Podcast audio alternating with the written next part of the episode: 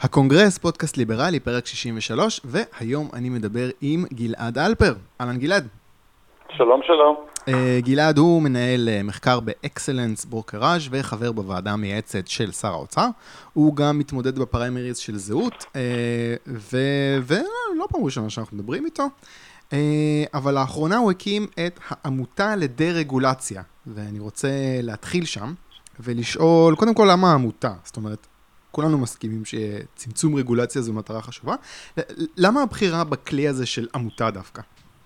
לחלוטין מסיבות מעשיות, אין בזה שום קסם, זה ארגון די גמיש, אין כאן עניין של בעלות, אפשר uh, לקבל תרומות שהן מנוקות במס, לא, לא שום דבר יותר מתוחכם מזה.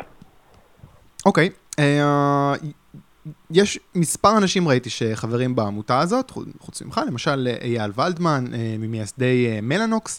אה, מה גרם לכם להתגבש יחד? זו אידיאולוגיה מסוימת או איזה שהם אירועים קונקרטיים שקרו וגרמו לכם להגיד, טוב, חייבים לעשות משהו, אסור שהדבר הזה יקרה שוב? תראה, מעשה שהיה כך היה. כלומר, אני הגעתי לרעיון הזה שצריך להילחם בנושא של הרגולציה. הגעתי למסקנה שעמותה זה כלי סביר לעשות את זה.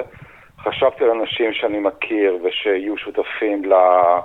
לרעיון הכללי הזה, אני אפילו לא רוצה לקרוא לזה אידיאולוגיה, ותכף אני אסביר למה, mm-hmm. אבל אנשים שיהיו מוכנים להיות שותפים לזה, ואייל ולדמן חלקית קצת הכרתי, וגם מדברים שקראתי עליו בעיתונות, הגעתי למסקנה שזה סוג של בן אדם שיהיה שותף לרעיון הזה, שעודף רגולציה זה לא טוב לכלכלה ולא טוב לבני אדם, אז פניתי אליו, אותו הדבר עם שלמה קליש, אותו הדבר עם אנשים אחרים שהם חברים בעמותה. Mm-hmm. כלומר, לא, זה לא שעבר על כולנו ביחד איזושהי חוויה מטלטלת שצרבה אותנו וכולי וכולי, לא, סתם אנשים שחשבתי שהם יהיו שותפים לרעיון הזה.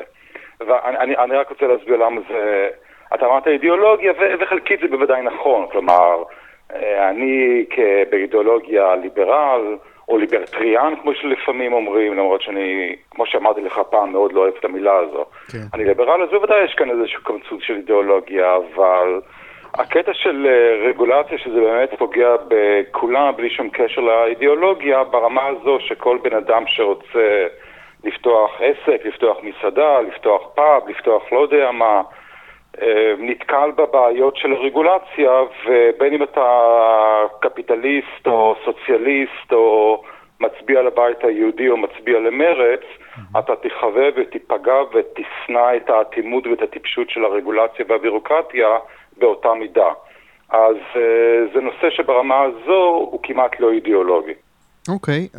בוא תספר לי רגע על האופי פעילות uh, הנוכחי והמתוכנן של העמותה, מה, מה אתם כן, עושים? כן, תראה, זה מאוד מאוד טרי, כלומר, ממש אתמול אני חושב שהמסמכים הוגשו ונקלטו אצל הרשם, זה עד כדי כך חדש כל העניין הזה. Mm-hmm. היום הראשון לאוגוסט, אני חושב שבשלוש... שממש אתמול, ב-31, הגשנו את הניירות.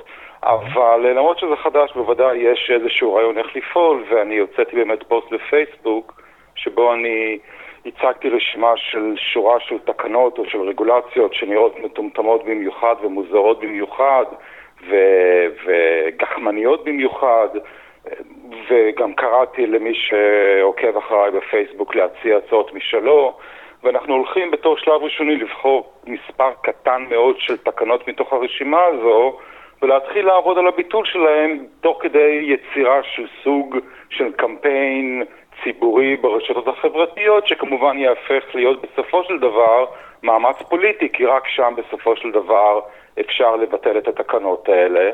אז אפשר להגיד שאנחנו רוצים אולי לכתוב סוג של textbook על איך לבטל רגולציות, ולאט לאט לקחת את זה לרגולציות יותר ויותר מזיקות ויותר ויותר מכבידות. אני בוודאי לא רוצה להתחיל בדברים שהם... גדולים מאוד או כבדים מאוד ומזיקים מאוד, אני רוצה קודם כל להשתפשף על הדברים המעט יותר קלים ולראות איך עושים את זה. זה, ה, זה הסוד הגדול של, ה, של צורת הפעילות שלנו. טוב, אנחנו מדברים קצת באוויר, אולי תן לי באמת איזו דוגמה קונקרטית לאיזה רגולציה קטנה, מטומטמת, שכאילו אתה חושב אה, אולי קל יחסית לבטל. כן, יש למשל, אה, אתה בטח שמעת על זה, כבר שאסור להוביל יותר משש קילוגרם של דבש ללא אישור בכתב ממועצת הדבש, שזה כמובן אה, רעיון שנועד למנוע תחרות בשוק הדבש. יש את ה... אה, למשל, אי אפשר לקנות מכונית נוסעים של יותר מ-500 נוסעים, מה שנקרא סוג של מידיוון, ללו ניסור הגג והגבהתו, או משהו מגוחך כזה. סליחה? כמה נוסעים? 15 אה, אה, או 9, אני כבר לא זוכר, הרשימה כאן אצלי. Okay. אוקיי. אבל הרעיון כמובן שזה פשוט מערים, מערים עלויות על אלה שקונים את זה, ומן הסתם מייצר הכנסות לאלה שצריכים לנסר את הגב, שה... את הגג, מה שאגב גם פוגע בבטיחות של הרכב. יש את הנושא הזה שלמשל, אם אתה מקבל רישיון עסק למסעדה במועצה, במועצה או ברשות מקומית מסוימת, אתה לא יכול לקחת את האישור הזה למועצה אחרת, מה שלמשל מונע את האפשרות של פעולה של משאיות מזון, אה, ואני יכול ללכת, הרשימה היא אה, אינסופית. אה, הזכרת את העניין הזה של רישיון עסק. הייתה לאחרונה איזושהי רפורמה ברישוי של עסקים.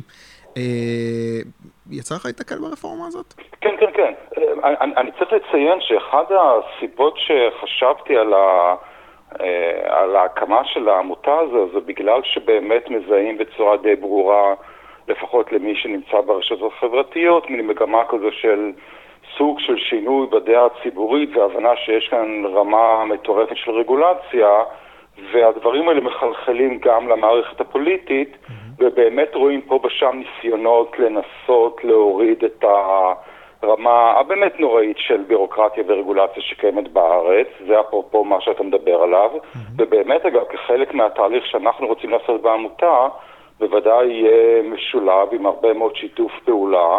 עם כל מי שמוכן לשתף פעולה, אבל כולל, אה, כולל פקידים ואנשים במערכת הפוליטית. שחלקם כבר התחילו במאמץ הזה של להוריד רגולציות. אתה אומר לי שמי לעבוד. אנחנו באמת לא פועלים בחלל ריק. אני חושב שאנחנו איכשהו משתלבים או נכנסים כאן לסוג של, לא רוצה לקרוא לזה ציידגייסט, אבל סוג של אה, הלך רוח hmm. שמכיר בזה שבאמת יש כאן כבר יותר מדי רגולציה. אוקיי, okay, אני ראיתי באתר שלכם שיש דף שמוקדש לפניות מאנשים שנפגעים מרגולציה. אה, זה פניות בעילום שם, או שהמטרה זה להביא סיפורים שלהם לפרונט? מה, מה המטרה של הדף הזה? תראה, זה תלוי במה שאותם אנשים יחליטו. מי שרוצה mm. שזה יפורסם בשמו בבקשה, mm-hmm. ומי שלא, לא. אמ, אין, אה, אין לי כאן אה, אידיאולוגיה מסוימת. אני, אני רק רוצה אמ, איכשהו לסכם את הנושא הזה, כי יש תמיד אנשים ששומעים את הסיפורים האלה, או את הרצון לעשות דה-רגולציה, ונכנסים למין כזה עמוק, אוי ואבוי, חייבים רגולציה, אחרת כולנו נמות מהרעלות מזון. אז אני רק רוצה, אם, אם לנסות לשים את זה במונחים חצי מתמטיים, אם אני רוצה להגיד את המטרה, יש הרי דירוג עולמי של רמת הרגולציה בכל או רוב מדינות העולם, קצת של מכון פרייזר, קצת של הבנק העולמי, ואנחנו נמצאים בערך במקום 55 בעולם. כלומר, כל המדינות המוצלחות והחצי מוצלחות בעולם נהנות מעול רגולטורי יותר קטן מאשר מדינת ישראל. אז אני לא רוצה לשים אותנו במספר אחד, כן? לא נהיה המדינה עם הכי פחות רגולציה בעולם. א', כי לא נהיה, שאני חושב שאנחנו מספיק מבוגרים ברמה האידיאולוגית להגיע לשם. אבל אני חושב שבטח אפשר להגיד שאם במקום עשר בעולם ברמת קלות הרגולציה נמצאת דנמרק, מותר לישראל לשאוף להיות באותה רמה של דנמרק מבחינת קלות הרגולציה. ולהזכיר לכולם, בדנמרק אנשים לא מתים מדי יום מהרעלות מזון, כן. מפעלים לא מתפוצצים ובניינים לא קורסים. ואם שם זה לא קורה, אז גם שם זה לא יקרה. אה, סליחה, גם פה זה לא יקרה. אה, אוקיי, אז בהצלחה בפעילות של העמותה. אני רוצה לעבור למשהו קצת פחות אופטימי. אה, חיים כץ, ששוקל להעלות את דמי הביטוח הלאומי כדי לצמצם את הגירעון. אה, אז קראנו כותרות השבוע שהביטוח הלאומי צפוי להיכנס לגירעון כבר ב-2022, והפתרון של אה, שר הרווחה, אה, חיים כץ, הוא פשוט שנשלם יותר ביטוח לאומי. מדובר, לפי מה שראיתי בכתבה, עוד 3,400 שקל בממוצע, שנשלם כל שנה. בנוסף לביטוח לאומי שאנחנו משלמים עכשיו, ועשרות מיליארדים שהמדינה מעבירה לו כל שנה כחלק מהמיסים שלנו. אני רוצה לשאול קודם שאלה חצי קשורה. זה סביר להגיד שאני עובד רוב השנה כדי לשלם מיסים? כן, בשביל לנסות למדוד כמה, מה ה... אה, מה, נו, אה, כובד המס שמוטל על ישראלים זה קצת קשה לחשב, כי א', בשאלה היא על איזה עשירונים מדובר, אז בואו שנייה נדבר על העשירון התשיעי והעשירי, שביחד משלמים בערך 90% מסך המס הכנסה בארץ. Mm-hmm. אם נסתכל על אותם שני עשירונים, אה, ואגב, צריך כמובן, למי שלא יודע, להזכיר, כשמדברים בארץ על עשירון תשיעי ועשירי, לא מדובר על מיליונרים, לא מדובר על עשירים, לא מדובר על חצי עשירים ולא מדובר על מאית עשירים. מדובר סתם על בני המעמד הבינוני, שלהגיד שהם עשירים זה אה, עלבון לעשירים באשר הם. כן. אז בכל אופן, אותם עשירון תשיעי ועשירים, מעבר לזה שהם משלמים את מירב מס הכנסה בארץ, כמובן שיש את המע"מ, יש את, uh, את כל שאר המיסים העקיפים, מיסי דלק, מיסי נדל"ן, מיסי whatever. Uh, mm-hmm. וקצת קשה למדוד את, ה, את הכובד הכללי של המס, אבל החישובים שאני ראיתי זה בערך 60 אחוז. שאני, אני לא בטוח כמה זה, כמה זה מדויק, אני חייב להודות, אבל בערך 60 אחוז. ולמי ששומע את זה, רק בשביל אולי איזה ש... אני מניח שלרוב האנשים שאם הם ישמעו שהם משלמים 60 אחוז מההכנסה שלהם כמס, אה, אני מניח שרובם יזדעזעו מזה, כן? כי זה אמור לזעזע. כן. אתה יכול לשאול את עצמך ברמה הפילוסופית, אם אתה משלם יותר ממחצית מההכנסה שלך כמס, באיזה מידה אתה בן אדם חופשי. כן. אבל לפעמים אתה לא רוצה לחשוב את זה ברמה הפילוסופית, דרך אחרת להבהיר כמה זה נוראי, זה לחשוב על זה שמתחילת השנה ועד בערך אה, יולי, אתה לא עובד בשביל עצמך. מתחילת ינואר ובערך עד סוף יולי, או כן, עד סוף יולי, mm-hmm. אתה עובד בשביל המדינה. ורק החל בערך מאוגוסט אתה מתחיל לעבוד בשביל עצמך. בעצם החל מהיום. זה איזושהי דרך להבהיר, מהיום. כן, כן בדיוק. היום התחלתי לעבוד בשביל עצמי. אולי בגלל זה אני כל כך עייף היום. אז אה, כן, עכשיו, הקטע הוא ש... עוד פעם, הקטע של המס הוא מאוד מבלבל, מכיוון שעוד פעם, מה שרוב האנשים חושבים לעצמם, ובטח במדינת ישראל הרוב הגדול של האנשים חושב לעצמו, שאנחנו באמת חייבים את המיסים האלה, כי אוי ואבוי, אם לא יהיה מיסים, אז uh, אתה מכיר את הסיפורים, מי יבנה לנו כן. את הכבישים, מי יגן לנו מהרכבים, אני לא יודע מה. אז כמו שאני כתבתי בכמה מאמרים לאחרונה, בכמה סרטונים, הבאתי דוגמאות מהעלייה בתקציב, בכל מיני uh, תחומים, בחינוך, במשטרה, בעוד כמה תחומים. השתמשתי בנתונים, אגב, שנדמה לי תנועת חופש לכולנו חישבה, מסתכלים על עלייה במיסים בעשור האחרון, מותאם לאינפלציה ולגודל האוכלוסין. כן. כלומר, באמת עלייה ריאלית. כן. ונניח בתקציב המשטרה יש עלייה בעשירון, בעשור האחרון של משהו כמו 48 אחוז, כן? ובתקציב החינוך יש עלייה של 32 אה, אחוז, אם אני לא טועה. אז אם מסתכלים על העלייה בתקציב של המשטרה, שהוא עלייה ריאלית של 48 אחוז בעשור האחרון ועלייה של 32 אחוז בתקציב החינוך, השאלה באמת, האם רמת החינוך התקדמה ב-32 אחוזים בכלל, והאם השירות שאנחנו מקבלים מהמשטרה השתפר ב-48 אחוזים בכלל. והטענה שלי היא שלא. כלומר, תאורטית, תאורטית, למרות שזה לעולם לא יקרה בארצנו, אפשר לקצץ את תקציב הממשלה לאן שהוא היה לפני עשר שנים, וכל הממשלה, כל מה שהשירותים שהממשלה נותנת לנו ימשיכו להיות גרועים באותה מידה. כן, לא יהיה שיפור, אבל זה היה גרוע אז, לפני עשר שנים, זה גרוע גם היום, אז לא ישתנה כלום. כל מה שיקרה, שרמת המיסים שאנחנו משלמים תרד מאוד, ואז נוכל לשלם פחות מיסים, כן? התקציב ירד והמיסים ירדו. כלומר, אנשים צריכים להבין שזה שהממשלה מעלה את המ... אה, גובה יותר מס ומעלה את התקציב, אנחנו, בני המעמד הבינוני במגזר הפרטי, לא רואים מזה כמעט כלום. הרוב הולך ל... היי, אתה יודע, אם להיות סופר אה, דמגוגי, אז זה הולך לעשות מסיבות פרידה מפוארות למפקדי חיל. אבל uh, זה בכל אופן לא הולך לבני המגזר הפרטי. זה הולך אולי למגזר הציבורי, אולי ליצירת משרות החדשות שלא דרושות של כל מיני פקידים ורגולטורים וכולי וכולי. אנחנו לא רואים מזה כלום. ולכן באותה מידה עדיף באמת uh, שלא יגבו את, uh, לא יגבו את זה מאיתנו. התקציב ימשיך להיות קבוע ותקוע באותה רמה שהוא היה נניח לפני כמה שנים, ורמת המיסוי עלינו תרד. ואגב, אפרופו, הזכרת בתחילת השיחה שאני גם מועמד בזהות, אחד הדברים שאני רוצה, שאתה יודע, שאני הצגתי בתוך רשימת ה... המצע הפרטי שלי בכל אופן, זה להקפיא באמת את תקציב הממשלה איפשהו, איפשהו היום, לא להגדיל אותו יותר בגרוש נומינלית או ריאלית, כי לא צריך.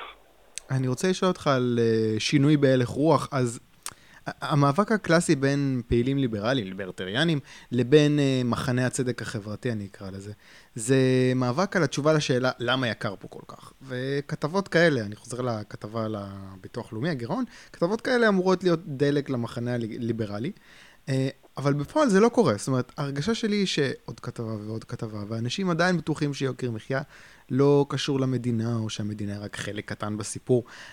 אתה שותף להרגשה שלי ש... דברים לא משתנים, או שאתה רואה איזשהו שינוי בהלך רוח ציבורי? אני... קשה לי לדעת, מכיוון שאני, נדמה לי, כמו אנשים רבים, התנתקתי קצת מה... מהתקשורת הכללית והסתגרתי בתוך הפייסבוק והדברים שקרובים לפייסבוק, ובתוך פייסבוק מאוד קל לך ליצור את ה... אתה יודע, את ה enclave שלך. כן. אז קשה קצת לשפוט מה הלך הרוח ה... כללי. ראיתי משהו מאוד בולט בדה-רגולציה, כשראיתי אנשים מכל מיני סוגים מתלוננים על זה, אבל בקשר לדברים יותר כבדים, או פחות, יותר כבדים או פחות כבדים, תלוי איך אתה מגדיר את זה, אבל דברים כמו מס ומה תפקידה של המדינה, אה, מה ה... למה, למה יקר כאן וכולי וכולי, זה קצת קשה לי להגיד לאיפה הלך הרוח הולכת. אבל uh, הולך, הלך הרוח זה זכר, לאיפה הלך הרוח הולך, mm-hmm. אבל תראה, אחד, ה, אחד הבעיות הן ש... אתה יודע, אתה יכול להגיד מה שאתה רוצה על פוליטיקה, וזה מגעיל, וזה באמת מגעיל, ורוב האנשים שנמצאים שם הם, אתה יודע, טיפוסים שבחיי היום-יום מאוד לא היית רוצה להיתקל בהם, אבל יש יתרון אחד מאוד למעמד פוליטי, שזה נותן לך מגפון מאוד מאוד חזק. או סופבוקס, אה, או איך שלא קוראים לזה, כן. באנגלית יש מלא ביטויים. כן. ואני חושב שבפוליטיקה הישראלית אין, אה, אני, אני, אני לא ראיתי, אני לא יודע, יש אולי איזה אחד או שניים, אבל אני גם כן חושב שבקושי בפוליטיקה הישראלית שעומדים ומשמיעים את דבריו של ה... את, אה, אתה יודע, את המסר של הקפיטליזם בנאומים פוליטיים חוצבי להבות, אין, הקיצר, אין אף אחד שנותן פתחון פה לקפיטליזם האמיתי בפוליטיקה הישראלית. בפוליטיקה הישראלית היא עדיין הדרך הטובה ביותר, אני חושב, להשמיע קול ולנסות ליצור איזשהו, או הלך רוח או שינוי בהלך רוח. וזו הסיבה העיקרית שאני בעצם נכנסתי לסיפור הזה של זהות. כי אני רוצה את ההזדמנות סוף סוף, אתה יודע, ללכת ל... לעמוד שם מעל הבימה של הכנסת ולהגיד, השם היחידי ביוקר המחיה במדינת ישראל זה אתם הפוליטיקאים, כל אלה שמסביבי, כל החוקים שאתם מחוקקים והרגולציות שלכם ומחסומי הסחר וכולי וכולי וכולי. אני לא רואה אנשים שאומרים את זה בצורה מאוד חדה ובצורה מאוד מובהקת ואידיאולוגית ונקייה. מי שלפעמים מדבר דברים שאיך שהם מתקרבים לקו הזה, הם מסייגים את זה בכל כך הרבה סייגים שאין לך מושג בסופו של דבר מה שהם אמרו. כן. אז אולי אם יהיה מישהו, אני או מישהו אחר, שאומר את הדברים האלה בצורה מאוד ברורה, אולי זה כן יתחיל את השינוי הזה שאתה מדבר עליו. Um, זה, זו, זו התוכנית בכל אופן. אה, טוב, בהצלחה עם זה באמת. אה, מאוד אשמח לראות מעל בימת הכנסת אה, דיבורים כאלה. בואו נדבר על עוד משהו לא נעים קצת, וזה שביתה שהייתה במשרד החקלאות, והיא הסתיימה די מהר אחרי שעובדים קיבלו פחות או יותר את מה שהם ביקשו. מה שקרה זה שבמשרד החקלאות רצו להוציא כמה מהדברים שהם מתעסקים בהם למיקור חוץ, למשל בדיקה של סחורה מעזה וחיסון של בקר. אה, המנהלים הגיעו שם למסקנה שגורם חיצוני יכול לעשות את זה טוב יותר ו/או זול יותר. אה, חיסכון של כספי מיסים, מה, מה רע, ובהסתדרות נעמדו על הרגליים האחוריות, פתחו בשביתה, אה, והואיל ושביתה בישראל אפקטיבית רק בתלות לכמה כוח להזיק יש לך, תהיתי באמת מה, מה משרד החקלאות יכול לעשות, מסתבר שהוא יכול. מה שהם עשו, הם עיכבו פירות וירקות מלהיכנס לעזה, אבל מעבר לנזק הזה, מה שהכי הטריד אותי בסיפור הזה, ש... מייל נשלח מטעם ההסתדרות לעובדי המשרד לפני השביתה. במייל נכתב כי עובדים שיפרו שביתה ויגיעו לעבודה, השמות שלהם יירשמו ויעברו להסתדרות, וזה פשוט איום. ועידן דה ארץ, בפוסט שהוא פרסם בנושא, הוא ציין שסיפורים שמגיעים לדף המצוין, וידועים מהוועדים, מראים שמי שנמצא ברשימות השחורות, לעולם לא יזכה לקידום, יהיה הראשון בתור לפיטורים כשצריך, ואם מחלקה מסוימת מתעקשת לעבוד כשההסתדרות פוקדת עליה אחרת, היא עלולה בצער רב להיסגר. מסיים פה את הציטוט, ועדיין אני לא מרגיש שאנחנו אפילו מתקרבים לאיזושהי מסה קריטית של גועל אצל הציבור מההתנהלות של הגוף הזה, שתספק לפוליטיקאים את ההון הפוליטי הדרוש כדי להתמודד עם הגוף הזה, שיש לו המון כוח, ונראה לי שיש פה איזשהו מלכוד, כי כדי שהציבור יחווה את הנזק באופן ישיר שההסתדרות גורמת, צריכה להיות איזושהי שביתה גדולה, אבל אנחנו כל הזמן נמנעים מהשביתה הזאת. אז, אז מה אתה חושב, שינוי ביחס להסתדרות יכול להיות אחרי רק איזה פיצוץ גדול כזה של שביתה של חודש, או שיש דרך אחרת? אני חושב, קשה מאוד לתאר איך המציאות תלך בסופו של דבר, כן? כל התחזיות האלה הן קשות, אבל יש לי הרגשה שאתה צודק, כלומר שמה שיקרה אולי, כן, אני מקווה, שזה מה שיקרה, שיום אחד יבוא מישהו וירצה לעשות איזשהו שינוי גדול, לדוגמה, שיטת השוברים, כן? שיטת השוברים בחינוך זה יכול להיות טריגר מעולה לפיצוץ הגדול בין הציבור לבין ההסתדרות, כן? כן. כלומר, כשיטת השוברים, אתה אומר, אוקיי, אנחנו נותנים למי שרוצה להקים בית ספר פרטי, המדינה לוקחת את תקציב הביטחון, אתה מכיר את זה כמובן, כן? ונותנת על בסיס תקציב החינוך, אמרתי ביטחון. אני כבר, חושב על ה, אני כבר חושב על הסיסמאות נגד, להפריט את החינוך, החינוך של רק לטייקונים, לילדי כן, כן, כן, כן, כן, לא, זה, שנייה, תכף אני אגיע לזה. ואז, אתה יודע, כמובן שהדבר הזה יעורר מחאה שלא תיאמן מצד ארגוני המורים, מכיוון שזה הרי הופך את המערכת ממערכת שמחשיבה דה פקטו את המורים כקליינטים, כלקוחות, למערכת שלוקח, שתופסת ומתייחסת לתלמידים ולהוריהם כלקוחות. כן. וכמובן שארגוני המורים לא רוצים דבר כזה. עכשיו, אתה, אתה צודק, יתחילו ישר הסיסמאות וכולי וכולי.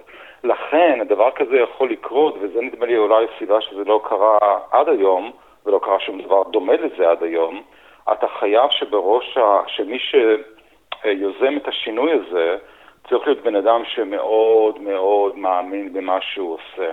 אתה צריך נדמה לי סוג של אידיאולוג. Mm-hmm. כי ללא עמוד שדרה אידיאולוגי, הפחד ומה, מההתמודדות והפחד מהבלגן שיהיה במדינה לאיזושהי תקופת זמן, הוא כל כך חזק, שאף אחד, שאף פוליטיקאי לא יעשה את זה, עוד פעם, אלא אם כן הוא חזק מאוד ברמה האידיאולוגית, ויודע בדיוק מה הוא רוצה, יודע בדיוק כמה המערכת גרועה כרגע, ויודע בדיוק כמה השינוי שהוא יוזם הולך לשפר את המערכת. וזה חוזר לנקודה שאמרתי לפני חמש דקות, כן, שפשוט אין לנו את האידיאולוגים האלה בכנסת. Mm-hmm. או לפחות אין לנו אידיאולוגים בכנסת באיזושהי עמדה שיש להם את היכולת לשנות או את האומץ להגיד את מה שהם אומרים. ולכן, עוד פעם, אתה חייב, אתה חייב להכניס אה, סוג של, איד, של איד, אידיאולוגים ל, לעמדת השפעה. בלי זה זה לא יקרה.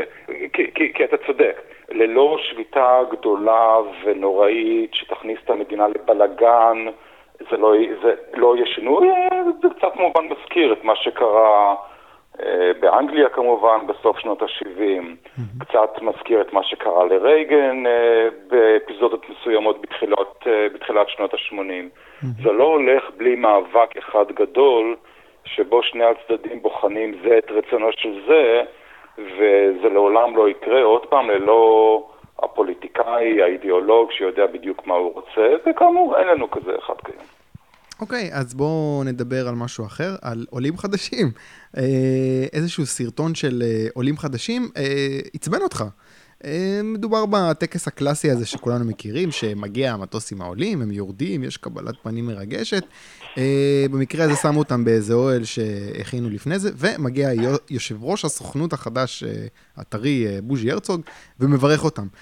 אז מה היה? למה זה עצבן אותך כל כך, הסרטון הזה? תראה, זה חצי הצחיק, חצי עצבן. אני מציע שתשים את הלינק לסרטון הזה בפודקאסט שלך. כן. תראה, זה קצת מצחיק כי זה כל כך זה כל כך נדוש, הקטע הזה של המטוס מגיע ויורדים ממנו העולים ומחכים להם עם דגלונים קטנים של מדינת ישראל ומנפנפים את זה כאילו אנחנו באיזה סצנה משנות החמישים או השישים. רק אני חושב שהם התחילו שם לרקוד אבא נגילה או משהו בסגנון. כן. זה היה הקטע המצחיק. בסדר, הקטע הקצת, סליחה? מה, מה רע? קצת אה, סנטימנטלי. לא, לא, אני ציני, אז זה כן. הצחיק אותי, מה לעשות. אוקיי.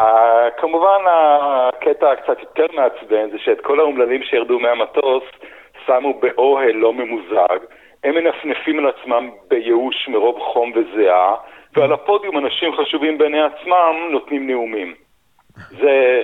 זה הקטע הקצת, אה, גם כן טיפה מצחיק. אבל הקטע הבאמת מעצבן היה שבא לשם בוז'י ונתן אה, נאום, אה, אנחנו אוהבים אתכם, ישראל אוהבת אתכם, מקבלים אתכם באהבה, לא, לא זוכר בדיוק, אבל זה אחד מאותם נאומים שאתה יכול לתת למכונה מטומטמת לכתוב וזה הכל יישמע אותו הדבר. כן. ומה שעצבן אותי, שהרי אין עלייה למדינת ישראל משום מדינה שמכבדת את עצמה. כל העולים למדינת ישראל מגיעים ממדינות פח. מרוסיה, שאף אחד לא יעלב שאמרתי את זה, אבל רוסיה בהשוואה לרוב מדינות המערב היא מדינת פח, בכל מימד כלשהו, אוקראינה, אה, טיפה מצרפת אם גם המספרים שם יורדים, אבל לא מגיעים לכאן יהודים משום מדינה שמכבדת את עצמה. לא מבריטניה, לא מארצות הברית, לא מקנדה, לא מאוסטרליה, מהמדינות המצליחות באמת מגיעים לכאן יהודים, כן, מגיעים במספרים, אבל מספרים כל כך נמוכים שאפשר לקרוא להם אה, אפס, כן? Mm-hmm. במחצית הראשונה של 2018 עלו, נדמה לי, מבריטניה 130 איש או משהו כזה, מתוך קהילה של 260 אלף יהודים, אני אפס. עכשיו, למה היהודים האלה לא מגיעים לכאן? Mm-hmm. למה לא עולים מכאן יהודים ממדינות מצליחות? כי אנחנו מדינה לא מוצלחת. כן? אין שום, אה, אין, אין שום היגיון למישהו לעלות מאוסטרליה לישראל. אנחנו מדינה הרבה פחות עשירה, הרבה פחות מפותחת, משלמים יותר מיסים, יותר רגולציה, התשתית תפוקה יחסית לאוסטרליה, ההזדמנויות הכלכליות מוגבלות יחסית לאוסטרליה, עובדים שעות יותר ארוכות מאוסטרליה, מרוויחים שכר יותר נמוך מאוסטרליה. למה שמישהו יעבור לכאן? אלא אם כן אין לו ברירה, כן? אלא אם כן הוא מגיע ממדינה שסועת קרבות כמו אוקראינה. למה שמישהו יגיע לכאן? וזה כמובן כישלון ציוני ענק. כן, שהמדינת ישראל היא פשוט לא מספיק טובה, לא מספיק אטרקטיבית, לא מספיק עשירה, לא מספיק לא יודע מה, בשביל למשוך לכאן יהודים ממדינות מצליחות. טוב, ומה שעצבן אותי שבוז'י הוא בדיוק הדוגמה לאנשים שהפכו את מדינת ישראל למדינה כזאת תפוקה. אבל... הרי, הרי, הרי למה מדינת ישראל היא פחות עשירה מאוסטרליה? אין לנו בעיה של גנים. אנחנו לא פחות חכמים מאוסטרלים, אם כבר אנחנו יותר חכמים. הבעיה היא שאוסטרליה זה בין עשר המדינות הקפיטליסטיות בעולם, וישראל אי שם בזנב. אנחנו מדינה אה, אי שם, אתה יודע, בזנב של, של העולם המפותח מבחינת רמת החופש הכלכלי. זו הסיבה היחידה. גם קנדה, גם ניו זילנד, גם בריטניה, גם ארצות הברית, כולן מדינות הרבה הרבה יותר חופשיות, ליברליות, קפיטליסטיות ממדינת ישראל. ובוז'י הוא בדיוק הסמל של הפוליטיקאי, החצי סוציאליסטי, חצי אטטיסטי, חצי, לא יודע מה, יש מילים גם פחות יפות שאני לא רוצה להשתמש בהן כרגע, שהוא זה שהפך את מדינת ישראל לבדיוק מה שהיא. ואז הוא עומד שם על הפודיום, ואתה יודע, נואם לשלוש מאות המסכנים שהגיעו, אה, כמה אנחנו אוהבים אותך. לא, אם באמת היינו אוהבים אותם, אז היינו עכשיו הופכים את מדינת ישראל לשוויץ, מבחינת הסוג של המשטר הכלכלי. וכל עוד אנשים כמו בוז'י, לא רק בוז'י כן? גם ביבי וכל החונטה הזו. כל עוד האנשים האלה ימשיכו לשלוט על המדינה, מדינת ישראל תמשיך להראות כמו שהיא נראית. והביקורת הקלאסית זה, רגע, למה בגלל העניין הכלכלי? יכול להיות שפשוט מפחדים להגיע לפה, אתה יודע, מסוכן פה. אני חושב שהיה בזה המון אמת עד לפני אפילו עשר שנים. אה, כלומר, בחלק מהמקצוע שלי הרי זה, הייתי מלווה בפונקציה זו או אחרת משקיעים זרים שמגיעים לארץ. Mm-hmm. והייתה איזו תקופה שהם אפילו התקשו לקבל ביטוח נסיעות מהחברות תעופה ולכן הם לא יכלו להגיע לארץ. וזה היה לפני 20 שנה, 25 שנה, 10 שנה. כיום, ואני לא מגזים, יש לנו משקיעים שמגיע מחול, שמגיעים מחו"ל כמעט בש... בנשיפת רווחה, כי הם מגיעים ביניהם לאזורים יותר, לאזור שהוא יותר בטוח מהאזור שהם מגיעים, אליה, מגיעים אליו. כי באמת רמת הביטחון בעולם המערבי, בטח במקומות כמו אנגליה, מאוד מאוד הידרדרה. אז אני לא חושב שזה כבר אה, אה, פקטור שהוא חזק כמו שהוא היה פעם, אבל, אבל אין שום ספק שכל הקטע הזה של, של עלייה או הגירה, שלא תקרא לזה, הוא קטע קשה. כן, אתה עוזב את המדינה שלך, את הסביבה שאתה מכיר, את החברים, חלק מהמשפחה, ואתה עובר למדינה אחרת. ברור שזה תהליך קשה, אבל זה עוד סיבה למה מדינת ישראל צריכה להיות אקסטרה יותר טובה, ואקסטרה יותר אטרקטיבית, ואקסטרה יותר קפיטליסטית, ואקסטרה יותר עשירה, ולתת אקסטרה של הזדמנויות כלכליות, ויוקר המחיה צריך להיות אקסטרה יותר נמוך, והכל צריך להיות אקסטרה יותר טוב, וכאילו אקסטרה יותר רע. כן. אוקיי, זה... כן, אני...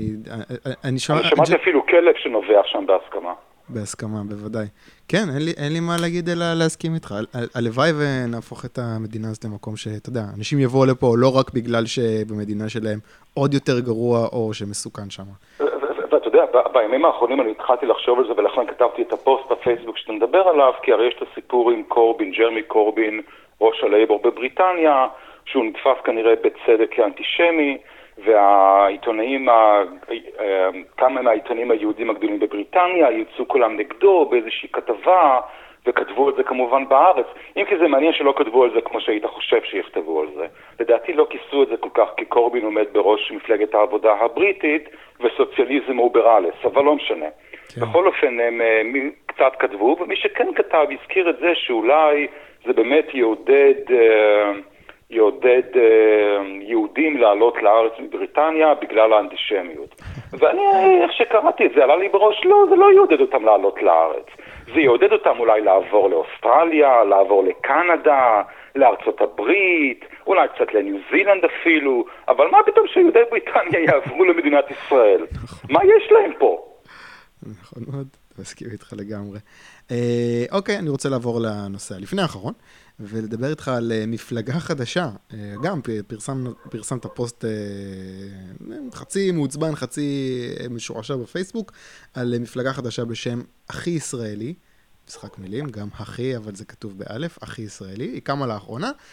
אתה קראת את המצע שלה, לא היית מרוצה כל כך. מה, למה? לא קראתי את המצע. אני קראתי כתבה בגלובס שציטטה את ה... את מה שהחבר'ה האלה כתבו במסמכי יסוד שלהם. Okay. אוקיי. אז אולי מאחורי המסמכי יסוד יש מצע קפיטליסטי שכמוהו הארץ טרם ראתה. Okay. אבל אני הסתמכתי בפוסט שלי על מה שהיה כתוב בגלובס, ומה שהיה כתוב שם, אה, חבל, אה, שכחתי להכין את עצמי ולצטט את מה שהם, את מה שהם כתבו, אבל זה כאילו היה מה שאני כתבתי בפוסט שלי, בבלת חסר כל... אה, היגיון. בעצם, אתה יודע, אנחנו מקליטים את זה, אתה יכול לחתוך את ההפסקה כשאני מחפש לא, את הנה, זה. הנה, תוך כדי שאתה מדבר, אה, מצאתי את זה. אה, הנה, הנה, הנה, מצאתי, מצאתי. אז אני אקריא את זה. זה פסקה אחת, וזה לא ישעמם כי זה כל כך מטומטם. תקשיב. כן. בית פוליטי חדש, המבוסס על פוליטיקה של טוב משותף, מתינות, כבוד הדדי וחתירה להסכמות. המפלגה תרתום אנשי עשייה מצדדים שונים של החברה הישראלית למהלך פוליטי משותף. בראייתנו, שונות היא כוח, והחיבור הוא הסיפור. המפלגה תפעל לקידום אסטרטגיה חברתית, כלכלית, סביבתית, משותפת, המבוססת על צמיחה מכלילה, ותכליתה שוויון הזדמנויות, צמצום פערים וקיום בכבוד לכל אזרח ואזרחית. אז אה, כאילו, הכישרון להגיד כל כך הרבה מילים נחמדות אחת אחרי השנייה בלי להגיד שום דבר, הוא פשוט אה, כן. הצחיק אותי וגרם לי לכתוב את הפוסט הזה. זהו, אני רוצה... ובפוסט אני שמתי, סליחה? אני רוצה ל... ל... לשים את הזרקור על המשפט שבאמת, אם אתה חושב עליו, זה כאילו, what the fuck, זה כזה, אסטרטגיה חברתית, כלכלית, סביבתית משותפת המבוססת על צמיחה מכלילה. כן, כן, זה כן, מחולל, כן. מחולל אה, ג'ינגריש כזה. אתה מבין, חוסר הכבוד לעברית או לכתיבה טובה. הם פשוט לקחו איזה משפט והם שמו את כל, המס... את כל המילים ה... שהם חושבים שהן נחמדות, כן? זה אסטרטגיה, זה לא סתם, זה אסטרטגיה. Mm-hmm. והיא חברתית, והיא כלכלית, והיא סביבתית, והיא משותפת, וצמיחה מכלילה, שוויון הזדמנויות, צמצום פערים, קיום בכבוד. פשוט משפט אחד בבלתי לחלוטין עם כל המילים היפות שאפשר לחשוב עליהן כאן. אמ, ואני בפוסט שמתי אה, לתור השוואה את ה...